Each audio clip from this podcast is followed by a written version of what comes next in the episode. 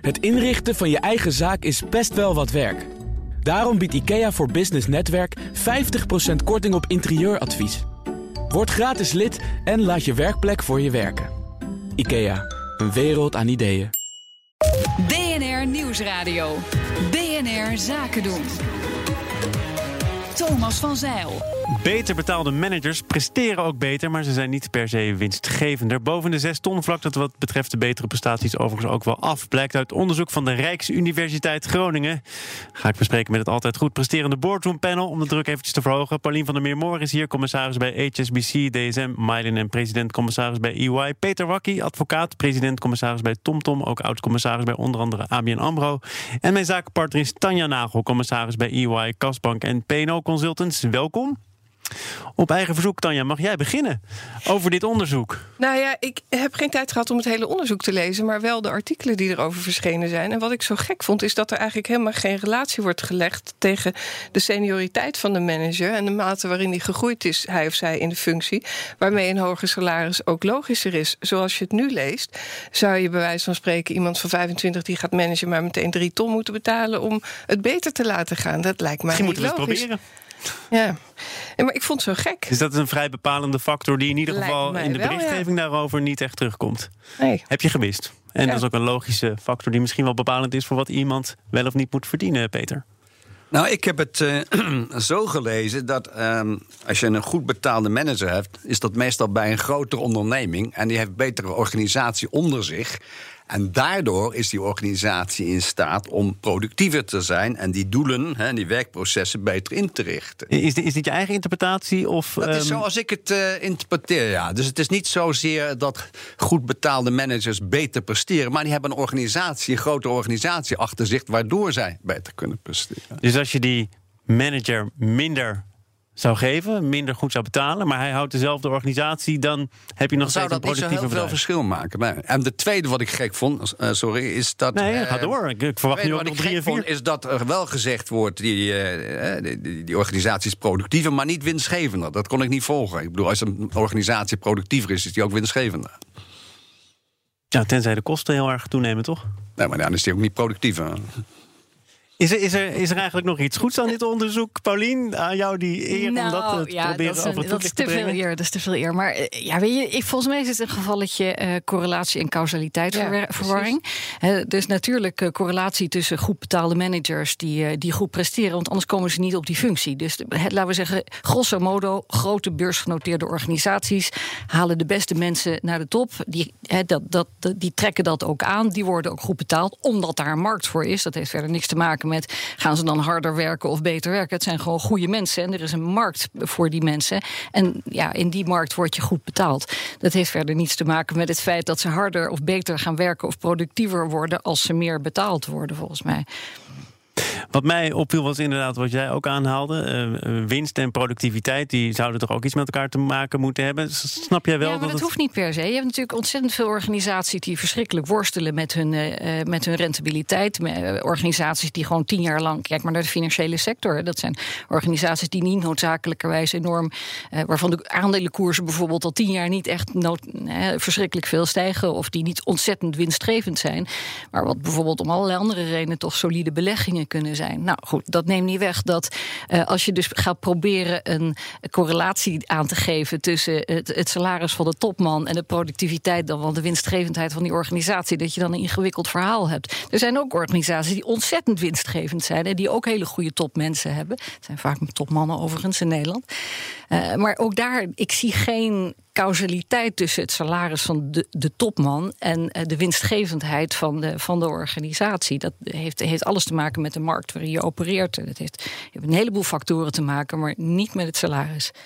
Peter, er wordt hier net even Ja, anders gekeken naar productiviteit en winst en de verhouding daartussen. Nee, dat, eh, nee, ik, ik geloof dat als je zegt hè, in een vergelijking dat managers die beter betaald zijn productievere organisaties runnen, dan moet dat ook eh, eh, uitmonden in betere winstgevendheid. Ik, kan niet, ik, begrijp niet dat het een wel zo is en het ander dan niet. Het tweede is natuurlijk dat eh, beloning wel degelijk ook samen gaat hangen met winstgevendheid van een bedrijf, omdat heel veel managers betaald worden in lange termijn componenten. hè, dus in aandelen. Nee, dat is Dus zeker waar. Naarmate dus het bedrijf winstgevender wordt, Ja. Gaat die aandelenkoers in principe ook stijgen. En dan wordt de beloning ook eh, hoger van Ja, betrokken. maar zelfs als de koers niet stijgt, hè, dan nog, als je je, je doelstellingen haalt, dan, hè, dan, dan werkt dat door in je lange termijn beloningen. En, en zie je dat dus terug inderdaad in het salaris van, eh, of het inkomen van de topman. Ja, volgens mij weten we niet precies wat de uitgangspunten van het onderzoek zijn geweest. Want winstgevendheid komt vaak wat later. Hè. Ik heb geen idee over welke periode dan gekeken is. Wanneer wordt dan een manager benoemd en wanneer hebben we de effecten gemeten. Maar nogmaals, ik heb niet het hele onderzoek gelezen. Ik spreek toevallig vanavond eh, een van de onderzoekers. Als daar echt iets uitkomt, dan Ja, hoort u het heel hier. benieuwd. Ik wilde nog wel even, want ik heb dat onderzoek ook nog niet van kaft tot kaft gelezen. Wel de berichtgeving in de Volkskrant werd een eh, eerder Brits onderzoek aangehaald. En daar wordt gezegd dat eh, waar de omzet en de winst van de 350 grootste Britse bedrijven tussen 2000 en 2013 met respectievelijk 140 en 195 procent stegen, de salarissen van de bestuurders met 350 procent toenamen. En de conclusie was toen dat is toch een beetje van elkaar losgezongen. Ehm, deel jij dan die lezing, Pauline? Als je ervan uitgaat dat, dat daar een één op één relatie tussen zou moeten staan, dan Daar zou je dus niet vanuit. Dan zou je kunnen zeggen, nee, want waar ik vanuit ga, is je hebt een beperkt aantal hele goede mensen die dat soort functies kunnen doen. Je hebt gewoon een markt. En die markt, ja, weet je, mensen hebben keuzes waar ze, waar ze hun de beste jaren van hun leven aan besteden. En als je dus Jan, Piet of Kees of Marie voor een bepaalde functie wil hebben, dan moet je daarvoor betalen hè, wat, wat de markt daarvoor biedt. Ja, en dan gaat het ook, want dat is ook nog interessant, duidelijk over de markt. En dus bijvoorbeeld niet over de overheid en de balken en de normen. Nee, als daar je, hebben we het niet over. Dat is een hele andere sector. Dat is belastinggeld, is een ander verhaal. En, en die, die kloof wordt ook steeds groter. nou, maar je zou bijna kunnen zeggen, heel simpel gedacht, als mensen echt beter zouden gaan presteren tussen de 4 en de 6 ton, dan zijn er misschien overheidsinstanties eh, die zo belangrijk zijn dat we het vooral belangrijk vinden dat mensen beter presteren, dus dat ze ook echt beter betaald moeten worden. Nou, als je dat inderdaad accepteert als een logica die klopt, dan, eh, dan zou dat zo zijn. Maar we hebben met z'n allen gezegd van als je met belastinggeld betaald wordt, dan moet je daar een beetje een gematigd beloningsbeleid op loslaten. En dus krijg je ander soort mensen. Mensen die het niet zo belangrijk vinden om die vier of zes ton te verdienen, maar mensen die intrinsiek gemotiveerd zijn om de publieke zaak te dienen. Is het zo simpel? Geen vergelijkbaar speelveld? Nou ja, dat zijn natuurlijk functies waar eh, van het prestige or, eh, eh, zo groot is dat je eh, zeg maar dat het salaris eh, daarbij in het niet valt. Bijvoorbeeld als je rechter bent in de US Supreme Court, hè, bijvoorbeeld, zeer machtig eh, eh, lichaam, dan krijg je ongeveer 75.000 dollar per jaar. Terwijl een eerste jaar stagiair op Wall Street bij een advocatenkantoor tegenwoordig 150.000 dollar krijgt. Dus kan je nagaan. Dat, dus daar is er geen enkele relatie tussen functie en salaris, omdat het prestige van dat ambt zo groot is. Dat, Hetzelfde ja. hier, als je bij de Hoge Raad der Nederlanden bent benoemd, dan heeft dat een enorm prestige, maar niet noodzakelijk een enorm salaris. Terwijl een partner bij een groot advocatenkantoor een veelvoud daarvan verdient. Weet je, daar zijn honderden voorbeelden van. Heeft ook te maken met wat voor soort carrièrekeuzes je maakt. Het onderzoek ging voor een belangrijk deel over die beloning. Ook over wanneer is een manager of een leider nou echt effectief? Wanneer zet hij de grootste prestaties neer? Is dat iemand die wat langer in de organisatie zit of wat korter? Nou, een van de conclusies is niet te lang blijven zitten. Ik heb deze vraag ook voorgelegd aan de vorige spreker. Iemand die na 35 jaar afscheid neemt van Solidaridad. 35 jaar, waarvan heel erg groot deel als, als leider. Ehm, hoe kijken jullie naar die conclusie?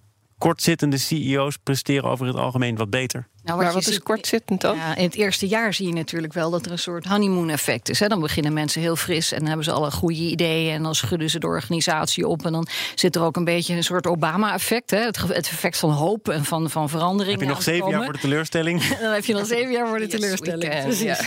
Ja, nee, dus dat heeft er ook mee Maar, maar goed, als het echt alleen een honeymoon is, dan is de liefde wel ook heel Ja, snel maar dat over is dat, dat natuurlijk. eerste jaar. Hè? De suggestie dat je in het eerste jaar een goede leidinggevend bent. Omdat je dan, ja, dan ben je je stempel aan het drukken. En op een gegeven moment kom je meer in een business as usual verhaal terecht. Ja. Nou, ik denk dat die corporate governance code ook niet voor niets spreekt over een termijn van twee keer vier jaar max. Ja, Lijkt me prima. dat is natuurlijk al een behoorlijke begrenzing. Oh ja, dat is commissaris. Voor commissarissen, niet voor Oké, bestuurders. Nee. Nou, Nou, wel, bestuurders krijgen ook contracten voor vier jaar. Ze krijgen Dus contracten worden voor benoemd vier door de jaar. AVA en krijgen contracten voor vier Dat is waar. Maar het is, het is in mijn ervaring niet zo dat eh, CEO's die er lang zitten bij bepaalde bedrijven, dat die het eh, minder doen dan CEO's die net aangetreden zijn. Ik bedoel, die, die En wat vind je van CEO's waarvan ook wel eens wordt gezegd... ja, jij bent inmiddels het bedrijf? Nou ja, goed, dat, hebt- dat, kan een er zeker, eh, nou, dat kan goed zijn. Dat kan ook een zeker risico inhouden dat die CEO zichzelf niet meer goed kan beoordelen. Maar daar heb je dan een raad van commissarissen voor die dat moet doen. Er zijn commissarissen die dat. eh, er zijn CEO's die dat heel goed doen. En die daar al hè, 10, 15 jaar zitten. En die dat nog steeds. eh, die, die, zichzelf iedere keer weer opnieuw kunnen uitvinden. En kritisch blijven. Eh, er zijn ook CEO's waarvan je denkt van nou, misschien wordt het tijd dat je eens een keertje gaat nadenken. Of dat je commissarissen eens gaan nadenken over je opvolging. Ja, Of je laat eh, iemand van buiten een boek schrijven over je bedrijf. Dat kan natuurlijk ook Precies. komen op het eh, boek van econoom Marcel Canois. Die liep de afgelopen twee jaar gemiddeld twee dagen per week mee bij Rabobank als een vlieg op de muur. Hij mocht zonder belemmeringen, ja, dat moet je dan altijd maar aannemen, overal meekijken. Nou ja, hier zitten allemaal mensen die ervaring hebben, ook in de financiële sector. Ik begin even bij jou, Paulien. Ja, ik heb het boek dus- net gekocht, maar ik heb het nog niet gelezen. Ik ben vanmorgen meteen naar eh, de, de boekhandel gegaan. Ik heb het gekocht en ik verheug me er erg op om het te lezen. Maar je zou het ook meteen kunnen voorstellen bij eh, HSBC. Ik zou het zeker meteen kunnen voorstellen. Ja, ik vind het een leuk idee, eerlijk gezegd. Wat denk je dat het Nou, ik, vind oplevert? het heel, nou, ik vind het ontzettend goed. Weet je, ik bedoel, eh, banken eh, zeker, maar ook allerlei andere instellingen, maar banken zeker, hebben natuurlijk zo ontzettend te lijden van allerlei vooroordelen in de samenleving over dat er alleen maar hè, on- onbetrouwbare graaiers leven. Dat, eh, volgens mij is het een van de beste dingen die je kunt doen, is je ramen en je deuren openzetten en de samenleving binnenlaten. En wat Rabo hier gedaan heeft, omdat ik weet niet wat eruit gekomen is, is, eh, is op een hele kwetsbare manier de samenleving uitnodigen om een kijkje binnen te nemen. Volgens mij is dat heel, heel verstandig en heel interessant. Dan zegt Canois eigenlijk eh, tegen het FD, tenminste dat interview heb ik gelezen, dat hij niet echt geschrokken is van wat hij daar tegenkwam. Maar dat het misschien wel anders zou zijn als hij bij Goldman Sachs binnen was geweest. Dus dan blijft altijd weer van ja, bij Rabobank eh, eh, val ik niet echt van mijn stoel. Maar bij de grote zakenbanken, nee, daar zitten de mensen echt anders in elkaar. Ja, daar is de cultuur natuurlijk ook anders. En bij grote zaken, Amerikaanse zakenbanken hebben echt een andere cultuur dan de Nederlandse Rabo. Dat is, eh, dat is eh, ongetwijfeld waar. Wie, wie loopt er nog meer eh, naar de, naar de boekwinkel? Paulien Ja, heeft het boek dus al zeker besteld. lezen, maar ik moest wat eerder naar Amsterdam. hè. Maar ehm, wat ik eh, wel mooi vond, is in dat kadertje waar stond dat hij wel vond dat er erg veel eh, jargon werd gebruikt. eh, waarbij hij niet wilde ontkennen dat er geen mooie initiatieven onder lagen. Maar dat de afstand eh, tot de medewerker of tot de cliënt Ja. misschien wel groter wordt als je je met dat soort taal gaat bezigen.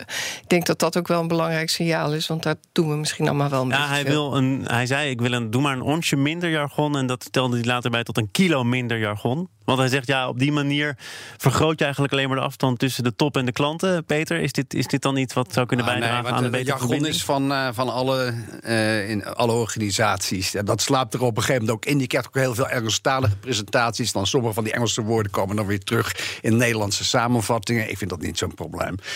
Wat ik, wel, eh, eh, goed, nou ja, wat ik wel dapper vond van de Rabo... is dat als ze dit zonder condities vooraf hebben gedaan... Ik moet, dat eh, zou ik niet zo 1, 2, 3 doen, eerlijk Nee, gezegd. wat zou jij dan altijd Nou ja, ik zou toch wel eerst houden? afspraken willen maken over de vertrouwelijkheid van informatie die je ziet. Hè? Bijvoorbeeld van klanteninformatie die je ziet. Of dat moeten ze hebben wel gedaan. dat ze dat Ja, gedaan en ook hebben. over de publicatie wat je gaat Toch wel. Zou ik er wel afspraken over willen maken. Wie Draaier heeft gezegd, eh, ik had het wel van tevoren opgestuurd, de diagonaal doorgelezen en had gezegd, eh, ik ga me er verder niet mee bemoeien. Doorgelezen. Dus als er dingen in hadden gestaan die hem misschien, misschien erg tegengevallen waren. Oké, maar dus, dus vertrouwelijkheid van klanten, dat zou je natuurlijk moeten, moeten afdekken, uiteraard. Maar jij zegt toch ook, ja, sommige dingen, misschien heb ik er achteraf spijt van, of die zijn toch te gevoelig. Ik zou, er, ik zou er wel heel duidelijk afspraken willen maken over eh, vorm eh, van de publicatie. Ja, dat zou ik wel. Ja, ja, zeker. goed. Want je moet je organisatie ook beschermen. BNR Nieuwsradio. BNR Zaken doen. Te gast is het boardroompanel bestaande uit Paulien van der Meermoor, commissaris bij HSBC, DSM, Mylin en president-commissaris bij EY, Peter Wakkie, advocaat en onder andere oud-commissaris bij TomTom en ABN AMRO. En mijn zakenpartner is Tanja Nagel, commissaris bij EY, Kasbank en P&O Consultants. We hadden het al even over dat nieuwe boek van Marcel Canois, de econoom. Een van de statements die eruit zou blijken is dat de kans op vals spel bij banken toeneemt als geld van de klant een getal wordt in een spreadsheet. Eh, nou, er is iemand al driftig aan het knikken. Dat is Tanja. Jij kunt dat volledig onderschrijven. Nou, ik geloof dat afstand eh, van de klant die te groot wordt echt, echt wel een gevaar is. ehm, en dat je dat moet zien te voorkomen. Maar dat zal wel met nieuwe middelen moeten. Want ehm, we zien dat we natuurlijk steeds meer kantoren eh, gaan sluiten, omdat dat ook niet meer te doen is. Maar je moet dus andere manieren zien te vinden om die cliënt wel dichtbij te houden. Ik vond overigens het, het voorbeeld wat er ook in stond... dat er foto's van gepensioneerden op de dealingroom hangen. Ja, dat vind ik ook wel wat hebben, hoor. Maar, maar die nieuwe manieren waar je het over hebt, want inderdaad, die bank wordt steeds digitaler. De kans bestaat dus dat de afstand alleen maar groter wordt. Ja, dat zullen nieuwe manieren moeten worden. En ondertussen worden we allemaal ouder. Dus ik denk dat FaceTime en dat soort dingen ook ingewikkeld wordt voor, onze, voor mijn 90-jarige moeder bijvoorbeeld.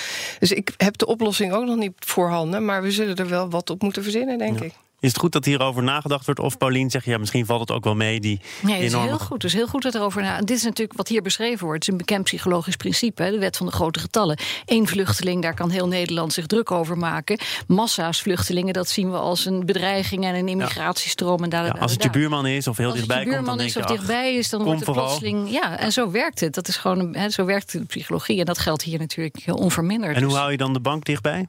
Ja, de- dat is de- precies wat jij zegt. Als ik daar een oplossing opdracht. voor had, dan was ik een hele duur, duur betaalde consultant. Nou, maar, maar goed, je bent misschien geen duurbetaalde consultant, maar wel betrokken bij een bank als Ja. commissaris. Dan Ja. zijn dit thema's die denk Die ik. vragen stellen we zeker. En daar wordt natuurlijk heel veel over nagedacht. En daar wordt mee geëxperimenteerd. En er zijn allerlei kleine proeftuintjes. En het ene werkt wel. Nou, zo'n voorbeeld van die, van die foto's ophangen in de dealing room.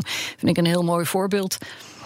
Nou zegt uh, Kanua ook nog, eh, de combinatie van schandalen, de crisis, intensivering van regelgeving en digitalisering. Het heeft de sector per ongeluk ontmenselijkt. De menselijke maat waar Rabobank in zijn geval naar op zoek is, is, is daardoor verder weg dan, dan ooit. Is het inderdaad een combinatie van misschien wel noodlottige factoren die ervoor gezorgd heeft dat die bank minder dicht bij de mensen staat? En heeft misschien ook wel regelgeving daar iets mee te maken? Nou, moeten we dat niet een niveautje hoger trekken? Want dat geldt niet alleen maar voor de financiële sector. Dat geldt in de gezondheidszorg. Dat geldt in alles waar we aan zoveel regels moeten voldoen. dat die menselijke maat eigenlijk überhaupt een beetje op afstand komt te staan. Dus jouw pleidooi is minder regels dan? Nou, in elk geval op een andere manier zodanig dat mensen ook... want dat zijn ook weer die, die grote getallen. Op het moment dat jij denkt dat je met vinkjes zetten hebt gedaan... waar je voor aangenomen was... dan ben je die menselijke maat natuurlijk ook helemaal kwijt. Of als je 60 seconden hebt om een patiënt te verschonen in de gezondheidszorg... Ja, dan kan je ook niet nog even een praatje maken. Dus hè, dat- je ziet het in, eh, in alle geledingen van de samenleving. Ja, aan de andere kant, die regels zijn wel nodig. Hè? Ik bedoel, eh, voordat de regels er waren, was het menselijk gedrag eh, veel eh, onvoorspelbaarder. En had, had men veel meer discretie om wel of niet dingen te doen. Ja, en het is gewoon gebleken dat die, eh, dat die grotere vrijheid niet, bij, niet aan iedereen, niet voor iedereen is weggelegd. Dus die regels zijn er niet voor niks. Dus je hebt die enorme afdelingen over compliance, risk management. Eh, interne audit, internal audit, om maar wat jargon te gebruiken. Ja, graag. Ja, ja. Ga door. Dat Ja, maar die zijn, allemaal meer nodig, die graag. zijn allemaal nuttig en ze zijn allemaal nodig. En die, en die bewijzen ook hun Maar, toegevoegde maar goed, waarde. tot nu toe kan niemand het hiermee oneens zijn. Maar toch is men daarin doorgeschoten. Is Ja, daardoor... dat, is- dat roept men dan, dan, betwijfel ik eerlijk gezegd. Want nu komt die menselijke maat weer terug. Maar met de menselijke maat komen ook alweer Ja, alle maar- gebreken van de nou menselijke ja, maat. precies. En laten we wel zijn, de, de, de klanten zijn ook anders geworden. Hè. Ik bedoel, vroeger vond ik het heel erg belangrijk dat ik naar een bankkantoor kon en met een, eh, met een levend wezen kon praten over het eh, openen van een spaarrekening. Tegenwoordig heb ik daar helemaal geen tijd voor. Doe ik het allemaal via mijn telefoon. Dus hè, klanten zijn ook anders geworden. Dus, hè, dus de, de, de hele transactie tussen, tussen de instelling en de klanten is anders geworden dan vroeger. Dus je moet niet alleen maar klagen dat, hè, dat, dat, dat, dat door de professionalisering het zicht op de klant kwijt is geraakt en de relatie met de klant kwijt is geraakt. Je moet nou op een intelligente manier nadenken over hoe je eh, menselijke maat kunt terugbrengen in een geprofessionaliseerde wereld. Ja, daarom dacht ik, ik nodig het boardroom panel uit en dan komen we Dan er lossen we dat even op in twee seconden. Nou, twee seconden. Voor, voor radiobegrip is het heel diepgaand dit hoor. Goed, dan naar het volgende onderwerp. Ja, blijft wel radio.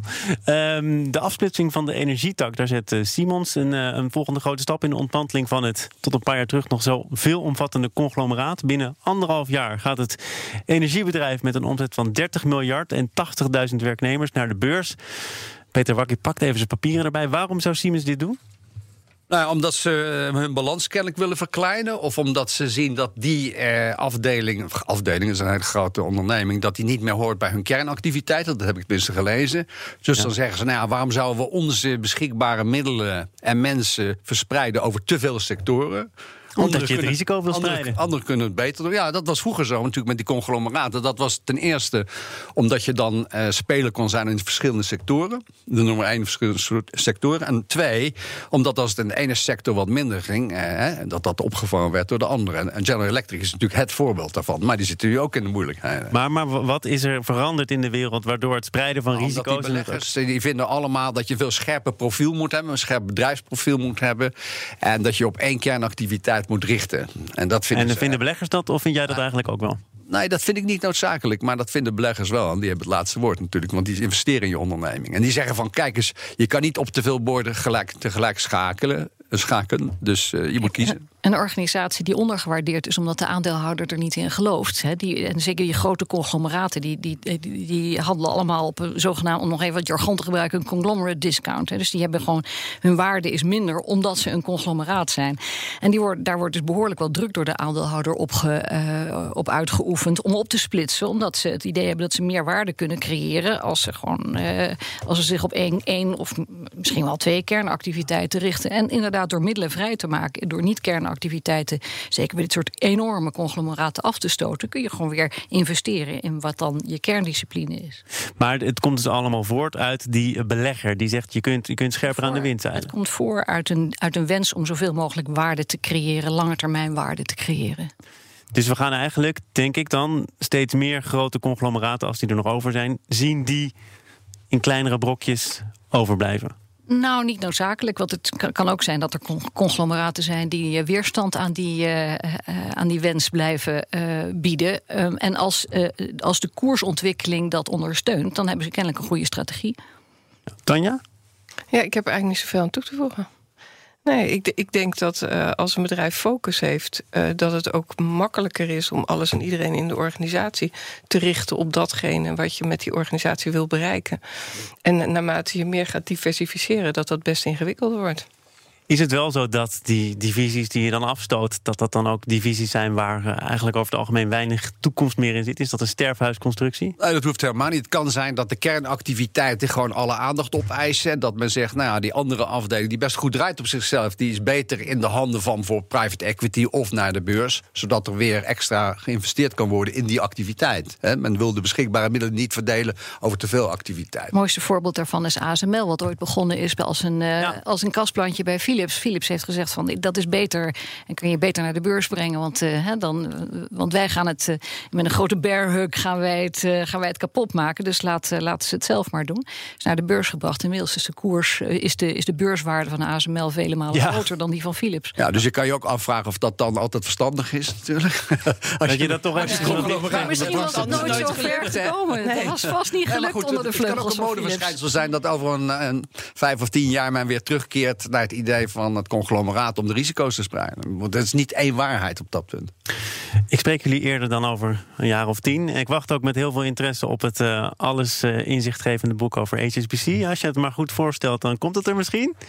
Uh, en dank voor jullie deelname van vandaag. Paulien van der Meermoor, commissaris bij HSBC. Deze Mylen en president-commissaris bij EY. Peter Wakkie, advocaat en onder andere oud-commissaris bij TomTom Tom en ABN AMRO. En mijn zakenpartner van vandaag. Gisteren gewoon naar het theater geweest en niet naar Ajax gekeken. Het is maar goed dat ik dat nu pas hoor. Tanja Nagel. Een kleine update maakt een wereld van verschil. Daarom biedt IKEA voor Business Netwerk gratis snelle interieurtips en ideeën. Word gratis lid en laat je werkplek voor je werken. IKEA, een wereld aan ideeën.